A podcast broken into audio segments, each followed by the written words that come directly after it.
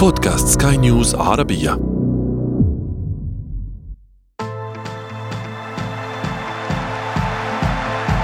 أثير الكرة.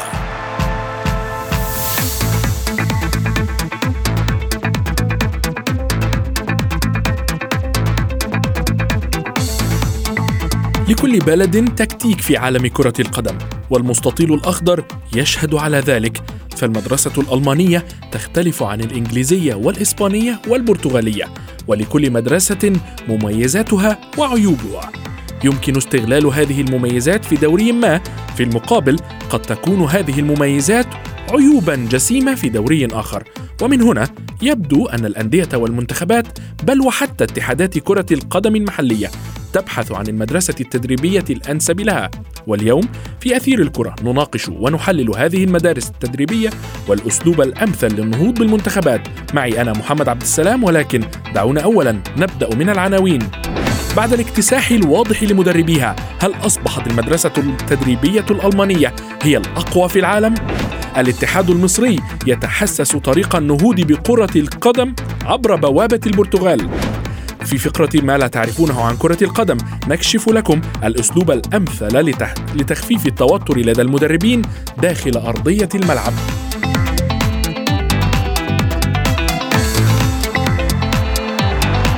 تغيير الكرة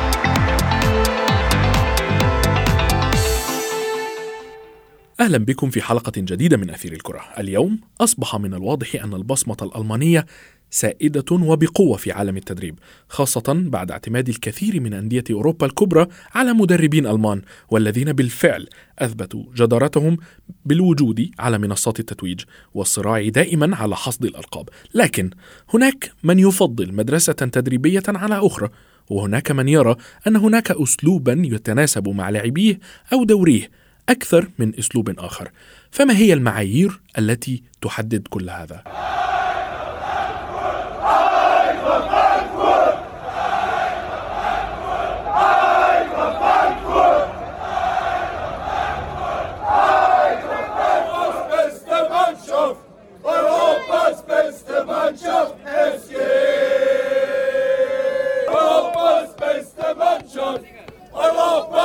للإجابة عن هذه الاستفسارات ومناقشتها ينضم إلينا الصحفي الرياضي مجدي القاسم مرحبا مجدي مجدي أولا في رأيك ما هي المعايير التي يتم على أساسها تحديد أي مدرسة تدريبية أنسب لمنتخب أو نادي ما؟ يعني بلا شك اولا آه، كل مدرسة تختلف عن المدرسة الأخرى من حيث الفكر من حيث الاعتماد على معايير معينة. مثلا على سبيل المثال نتحدث عن الكرة الإنجليزية.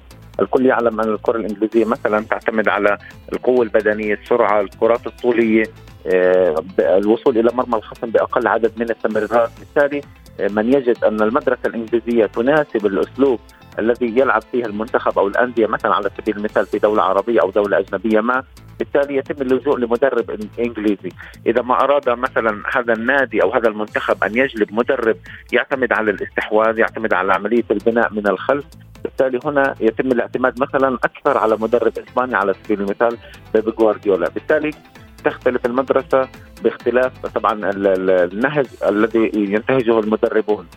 اليوم نشاهد مثلا تطور كبير على مستوى الكرة الإنجليزية، اليوم أصبحت أكثر انفتاح على العالم بوجود نخبة من المدربين في في عالم كرة القدم هنالك في إنجلترا. وبلا شك بلا شك كان أرسن فينجر أحد المدربين الذين أحدثوا ثورة في أداء الفرق الإنجليزية بتغيير هذا الأسلوب، بالتالي أي منتخب أو نادي يبحث عن مدرب من دولة ما وبالأساس يرى بأن هذا المدرب يناسب الأسلوب الذي يلعب فيه هذا النادي أو هذا المنتخب بالتالي يتم جلب مدرب إلا إذا أراد أن يغير من أسلوب النادي أو أسلوب المنتخب بالتالي يتم البحث عن مدرب وفق هذه المنهجية التي ذكرناها. نعم، نعم تحدثت عن عن الدوري الإنجليزي وشاهدنا المدربين الألمان في في الدوري الإنجليزي. هل التفوق الألماني في السنوات الأخيرة خاصة اوروبيا وانجليزيا ما السر وراء هذا التفوق في رأيك؟ يعني بلا شك لا ش...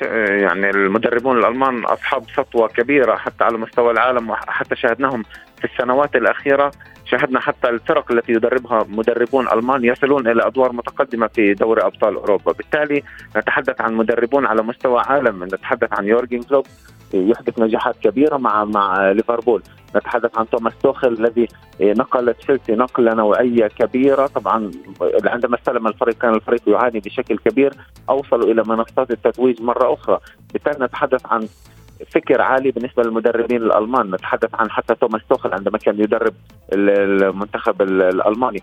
بالتالي نتحدث عن مدربين أصحاب سطوه كبيرة وقدموا نجاحات استثنائية في عالم كرة القدم. بالتالي التطور الكبير الذي تشهده كرة القدم الألمانية والتطور الكبير الذي تشهده الكرة الألمانية على صعيد التدريبي أيضا جعل الأندية الأوروبية تفتح عيونها كثيرا على المدربين الألمان. بالتالي الآن نشاهد عدد كبير من المدربين الألمان يغزون الدوريات الأوروبية الكبيرة. الأمر ليس وليد الصدفة إنما نتيجة نجاحات كبيرة حققها هؤلاء المدربون في القارة الأوروبية. نعم ولكن آه، تعودنا دائما على أن هناك مدرسة ما آه، قد تنجح في دوري وآخر لا. ولكننا نشاهد المدرسة الألمانية تنجح في عدد من الدوريات. يعني تخل نجح آه، من قبل مع باريس سان جيرمان في الدوري الفرنسي نجح الآن مع كما كما ذكرت مع تشيلسي في الدوري الإنجليزي. نشاهد يورجن كلوب ينجح مع بوروسيا دورتموند في الدوري الألماني ثم ينجح أكثر مع ليفربول في الدوري الإنجليزي وأمثلة كثيرة. في, في رأيك يعني كيف تأقلم المدربون الألمان في عدة دوريات؟ يعني بلا شك لكل لكل بلد هوية مختلفة عن البلد الآخر. بالتالي نجد المنتخب الألماني يلعب مثلا بطريقة مختلفة عن المنتخبات الأخرى. هذا الأمر يدعونا لطرح العديد من التساؤلات كما ذكر زميلي محمد بأن المدرسة الألمانية على صعيد التدريب نجحت في الكثير من الدوريات الأوروبية. لماذا؟ هنالك مرونة كبيرة لدى المدرسة الألمانية في عالم التدريب. على سبيل المثال آه، نتحدث عن مدربين كبار كيورجن كلوب وتوماس توخل والعديد من المدربين الألمان الذين نجحوا واحدثوا ثورة حتى على صعيد الكرة هنالك في انجلترا على سبيل المثال. هنالك ربما مرونة عالية لدى المدربين الألمان في التعامل مع الظروف التي تحدث هنالك في النادي. أسلوب على سبيل المثال أسلوب تشيلسي قبل وصول توماس توخل كان مختلف تماما عن عن الأسلوب الذي ينتهجه تشيلسي حاليا. بالتالي أعتقد بأن الانضباط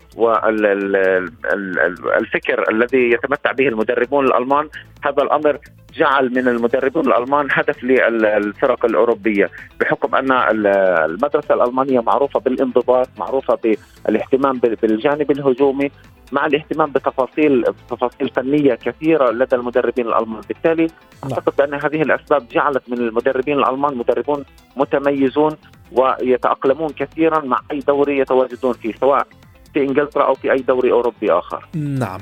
آه، آه، مجدي ابقى معي فاصل قصير نتابع بعده موضوع اليوم من أثير الكرة. أثير الكرة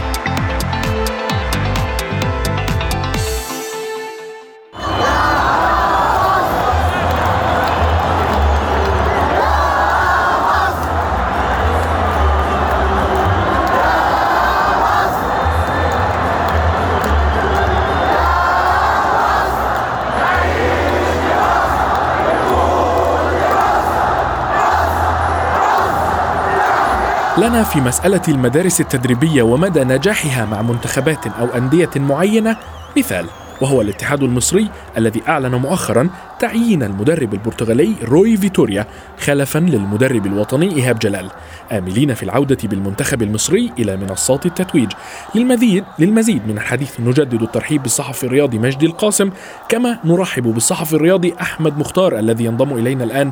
مرحبا أحمد. أحمد. هل تعتقد أن تعيين فيتوريا جاء للرغبة في الاعتماد على المدرسة البرتغالية خاصة أن آه، هناك قطبي الكرة المصرية الأهلي والزمالك وأيضا آه، نادي فاركو لديهم مدربين برتغاليين؟ طبعا في البداية أعتقد بأن العودة للمدرسة الأوروبية أو التدريب الأوروبي بشكل عام هو الخيار الصحيح للاتحاد المصري لكرة القدم في البداية طبعا مع كامل الاحترام والتقدير لمدربنا وكابتننا الكابتن نهاد جلال لكن اثبتت التجارب الأخيرة إن منتخب مصر ومعظم المنتخبات العربية الكبيرة التي تلعب على الأبطال ولديها ضغوطات جماهيرية وإعلامية من الأفضل لها دايما هو المدرب الأجنبي وبالتالي هو عودة للتصحيح.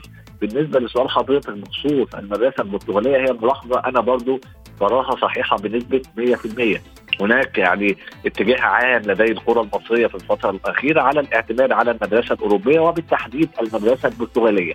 هناك تجارب سابقة نجاح ناجحة جدا لعدة مدربين برتغاليين على مستوى الأندية وحتى المنتخبات. يعني طبعا كلنا عارفين مانويل جوزيه مع منتخب مصر فيريرا مع الزمالك في فترة سابقة والآن وحتى كيروش. يعني ناس كتير كانت بتصف تجربته بعدم النجاح أثناء تواجده لكن أنا كنت بختلف معاهم جدا وأعتقد بعد رحيله الجميع عارف قيمه النجاح الذي حققه كيروش التواجد بالقرب من منصات التتويج التنافس حتى النهاية. أعتقد الناس جميعا افتقدت لهذا المدرب وخبراته وبالتالي تعيين روي فيتوريا مع نفس الخط وجود آه سواريش مع الأهلي وجود جوسفالدو فيريرا مع الزمالك. ربما هناك يعني بدون يعني تنسيق أو هناك تنسيق بسيط إن يجب أن يكون هناك مدرب أجنبي يجب أن يكون هناك مدرب أوروبي وبالتأكيد نجاح المدرسة البرتغالية في الملاعب المصرية والعربية أدى إلى تواجد يعني تواجد برتغالي كثير على مستوى المدرب الأول أو المدرب الأول للمنتخب الوطني اللي هو السيد روز فيتوريا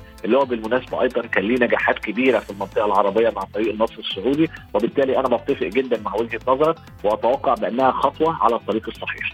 نعم مجدي ذات السؤال هل تعتقد أن توحيد المدرسة الكروية من من قبل الاتحاد المحلي سواء تعيين مدير فني للمنتخب كما قطبي نفس نفس جنسية قطبي الدولة، هل هذا بالفعل قد يساعد على تطوير المنتخب ويصل بالمنتخب إلى منصات التتويج أو على الأقل المنافسة على البطولات؟ يعني بداية لا أعلم إن كان الأمر مقصود بالنسبة للاتحاد المصري والأندية المصرية بتوحيد المدربين لدى القوى الكبرى في عالم كرة القدم المصرية.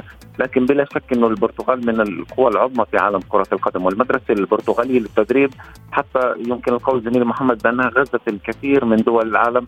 مدرسة معروفة هنالك انضباط تكتيكي فكر هجومي مع الاهتمام بالقوه البدنية. شاهدنا نجوم برتغاليين نجوم للدوريات الأوروبية. بالتالي تعتبر مدرسة متكاملة إلى حد كبير. استقطاب المدربين البرتغاليين أعتقد بأنه شيء سيؤتي بثماره بالنسبة للكرة المصرية كون المدربين البرتغاليين حتى وضعوا بصمة هنالك في الدوري المصري. إذا ما تحدثنا عن مانويل جوزيه مع النادي الأهلي مع النادي الأهلي على على ثلاث فترات حقق يعني بطولات في مختلف المسابقات من دوريات من كأس من سوبر من دوري أبطال لسوبر إفريقي.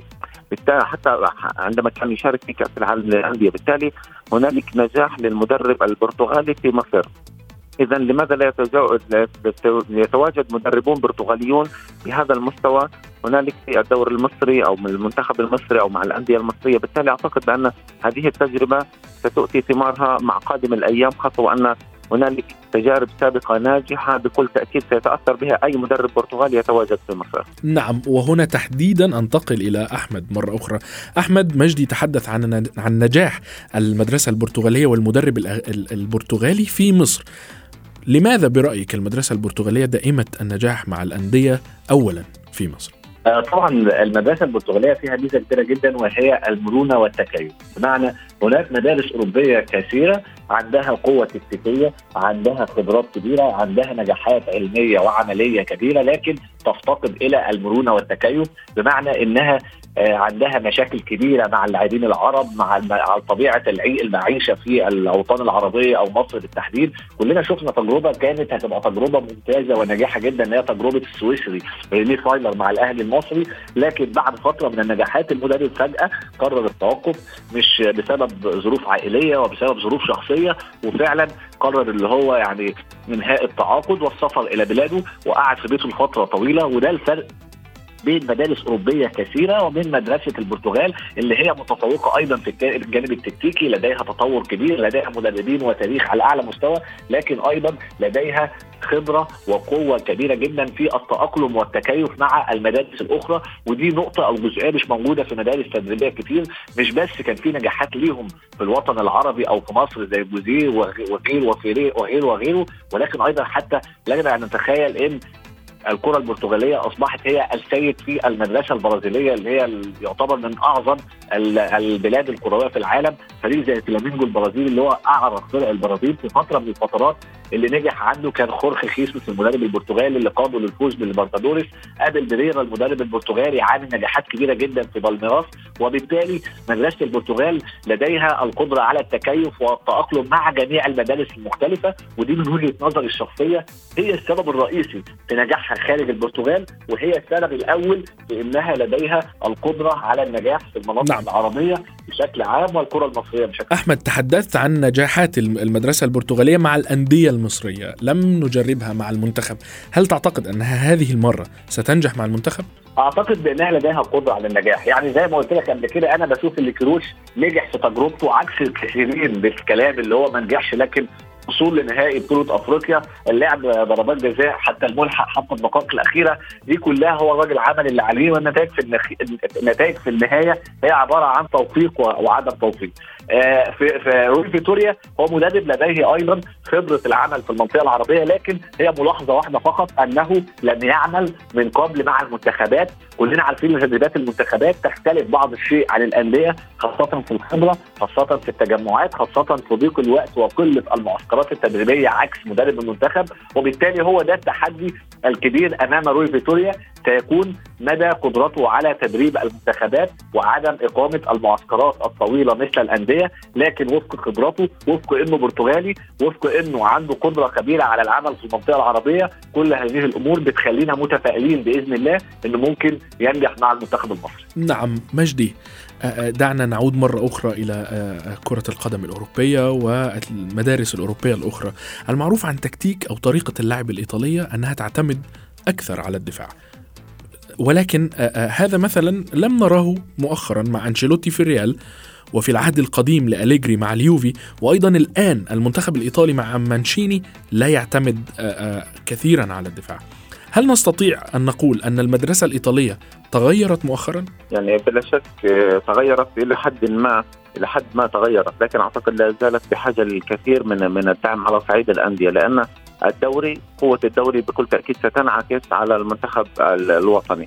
نشاهد تطور المنتخب الإنجليزي في الآونة الأخيرة. أعتقد بأنه وجود دوري إنجليزي قوي بهذا بهذه التنافسية الكبيرة للاعبين الإنجليزيين داخل الدوري الإنجليزي خاصة وأنهم يلعبون يعني تحت قيادة مدربين من مدارس تكتيكية مختلفة وأساليب لعب جديدة، بالتالي هذا الأمر ربما إيه، على الاتحاد الإيطالي أن ينظر إلى الدوري الإيطالي بشكل مختلف، ربما استقطاب مدربين من القارة الأوروبية، مدربين إسبان وألمان ومن إيه، من من جنسيات أخرى، هذا الأمر سيعطي الكثير من المرونة التكتيكية بالنسبة للاعبين خلال خوض المباريات. سنشاهد أداء مختلف للمنتخب الإيطالي. كما نشاهد الآن أداء مختلف للمنتخب الإنجليزي. مثلا الكرة الإنجليزية كما ذكرنا يعني دائما كانت تعتمد على الكرات الطولية والوصول إلى المرمى الخصم بأقل عدد من الكرات. لكن الآن أداء مختلف المنتخب الإنجليزي، هذه التجربة أعتقد على المنتخب الإيطالي على الاتحاد الإيطالي تحديدا أن ينظر إليها بشكل مختلف، نشاهد دوري إيطالي إلى حد ما ضعيف.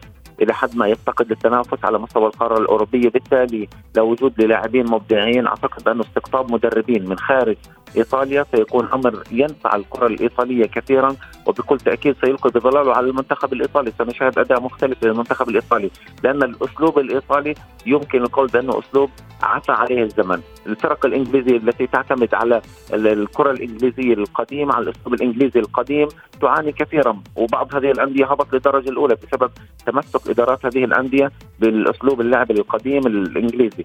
الآن في إيطاليا هنالك ربما اصرار على أن يلعبوا الكثير من فرق الدوري الإيطالي تلعب بنفس طريقة المنتخب الإيطالي، بالتالي أعتقد هم بحاجة إلى مدربون من خارج إيطاليا يعطون الكثير من التكتيك والمرونة التكتيكية والخبرات الجديدة للاعبين. وبالتالي هذا الأمر سيلقي بظلاله على لاعبي المنتخب الإيطالي وعلى أداء المنتخب الإيطالي. نعم ولكن ألا تعتقد أن أنشيلوتي غير من هذا الفكر الإيطالي؟ وأيضا مانشيني مع المنتخب إلى حد ما. آه، شاهدنا المنتخب الإيطالي يلعب كرة هجومية آه، يلعب على آه، غير التكتيك الدفاعي الذي يعتمد أكثر على الهجمات المرتدة. الا ألم نشاهد ذلك خاصة في يورو الأخيرة التي حمل لقبها المنتخب الإيطالي؟ بالنسبة لمانشين أعتقد بأن الأمر يعني كان يمكن القول على إنه كان أقرب إلى الصدفه، أنا أعتقد ان الأمر كان أقرب إلى الصدفه بحكم التراجع الكبير الآن الذي صرع على المنتخب الإيطالي وفشل في الوصول إلى نهائيات كأس العالم. بالنسبة لأنشيلوتي أعتقد انه وجوده في نادي كبير كريال مدريد مثلا يلعب كرة هجومية بالاساس بالاساس هو من خدم أنشيلوتي وهو من جعل أنشيلوتي يغير من أسلوب لعبه وليس أنشيلوتي الذي غير من أسلوب لعب ريال مدريد. بحكم تواجد أو, أو وجود لاعبين يجيدون النزعة الهجومية وبحكم وجود فريق يبحث دائما عن الألقاب يبحث دائما عن الكرة الهجومية شاهدنا من قبل ذلك مورينيو عندما كان مع ريال مدريد تعرض للكثير من الانتقادات عندما مال إلى الأسلوب الدفاعي أكثر من الأسلوب الهجومي بالتالي تعرض للكثير من الانتقادات. بالتالي أنشيلوتي تعلم الدرس وأعتقد انه تماشى مع جودة اللاعبين المتواجدين في ريال مدريد. بالتالي الأمر مختلف ما بين أنشيلوتي وما بين منشيني أعتقد ان المنتخب الإيطالي والاتحاد الإيطالي لابد أن يبحث عن مدربين أجانب مدربين من إسبانيا من ألمانيا يلعبون كرة قدم بشكل مختلف عما هو الحال في الدوري الإيطالي. بالتالي وقتها أعتقد بأن النتائج ستكون مثمرة وسيستفيد المنتخب الإيطالي بشكل كبير بحكم تواجد مدربين بفكر مختلف عن الفكر الإيطالي. نعم ويبدو أن الاتحاد الإيطالي يفكر دائما في أن اللاعب الإيطالي عقليته, عقليته لا تتغير. أحمد آه، أنتقل إليك بهذا السؤال. هل تعتقد بعد نجاح المدربين الألمان مع الأندية الإنجليزية هل نشاهد بعد تجربة ساوث جيت مع المنتخب الإنجليزي أن أن أن يتم تعيين مدرب ألماني بعد كأس العالم للمنتخب الإنجليزي إذا ما فشل ساوث جيت؟ والله طبعا يعني المدربين الالمان من أفضل المدربين في العالم وفي أوروبا وأثبتوا نجاحات كبيرة جدا على مستوى الأندية والمنتخبات. آه منتخب إنجلترا قبل كده دربهم مدرب أجنبي اللي هو مدرب إيطالي اللي هو فابيو كابيلو مدرب دربهم مدرب اللي هو اريكسن وبالتالي مدربهم مدربين أجانب. لما لا أن يدربهم مدرب ألماني؟ أعتقد هناك يعني تضاد إلى حد ما بين الكرة الألمانية والكرة الإنجليزية تاريخيا. لكن فكره آه، قبول الجمهور الإنجليزي لمدربين زي يورجن كلوب وزي توماس توخيل تغيير ثقافة الجماهير الإنجليزية والإعلام الإنجليزي بالكامل في السنوات الأخيرة واحترامهم المبجل للمدربين الألمان نعم. كل هذه الأمور بخليني بتفق معاك إن ممكن جدا ده يحصل نعم. في المدى القريب أو المستقبل القريب بعد مرحله ساوث جيت أحمد شهور شهور قليلة سنشاهد آه، بعدها ما ما سيتم بعد كأس العالم. شكرا جزيلا لكما كنتما معي الصحفيين الرياضيين مجدي القاسم وأحمد مختار.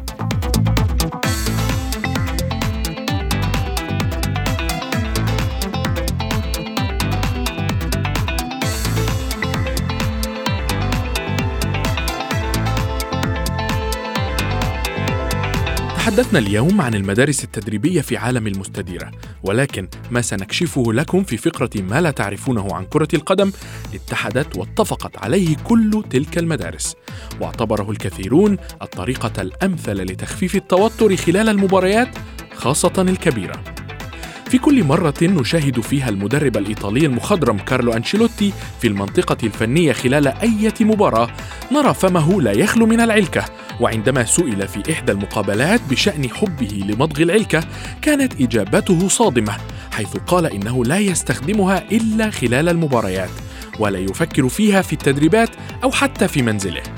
وعند سؤاله لماذا إذا في كل مباراة تمضغ العلكة أجاب أنه لا يمكنه التدخين داخل الملعب كما كان مسموحا في السابق.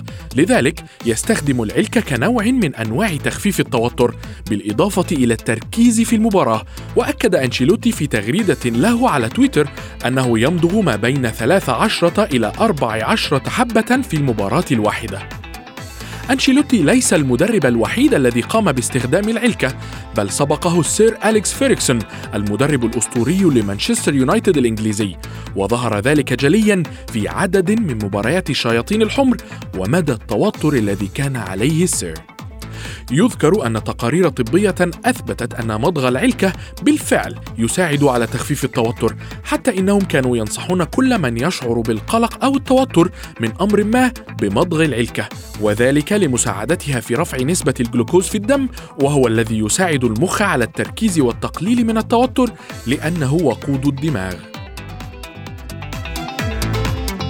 بهذا نكون قد وصلنا وإياكم إلى صافرة النهاية من حلقة اليوم. انتظرونا في حلقات جديدة قادمة. كنت معكم أنا محمد عبد السلام. إلى اللقاء. تغيير الكرة.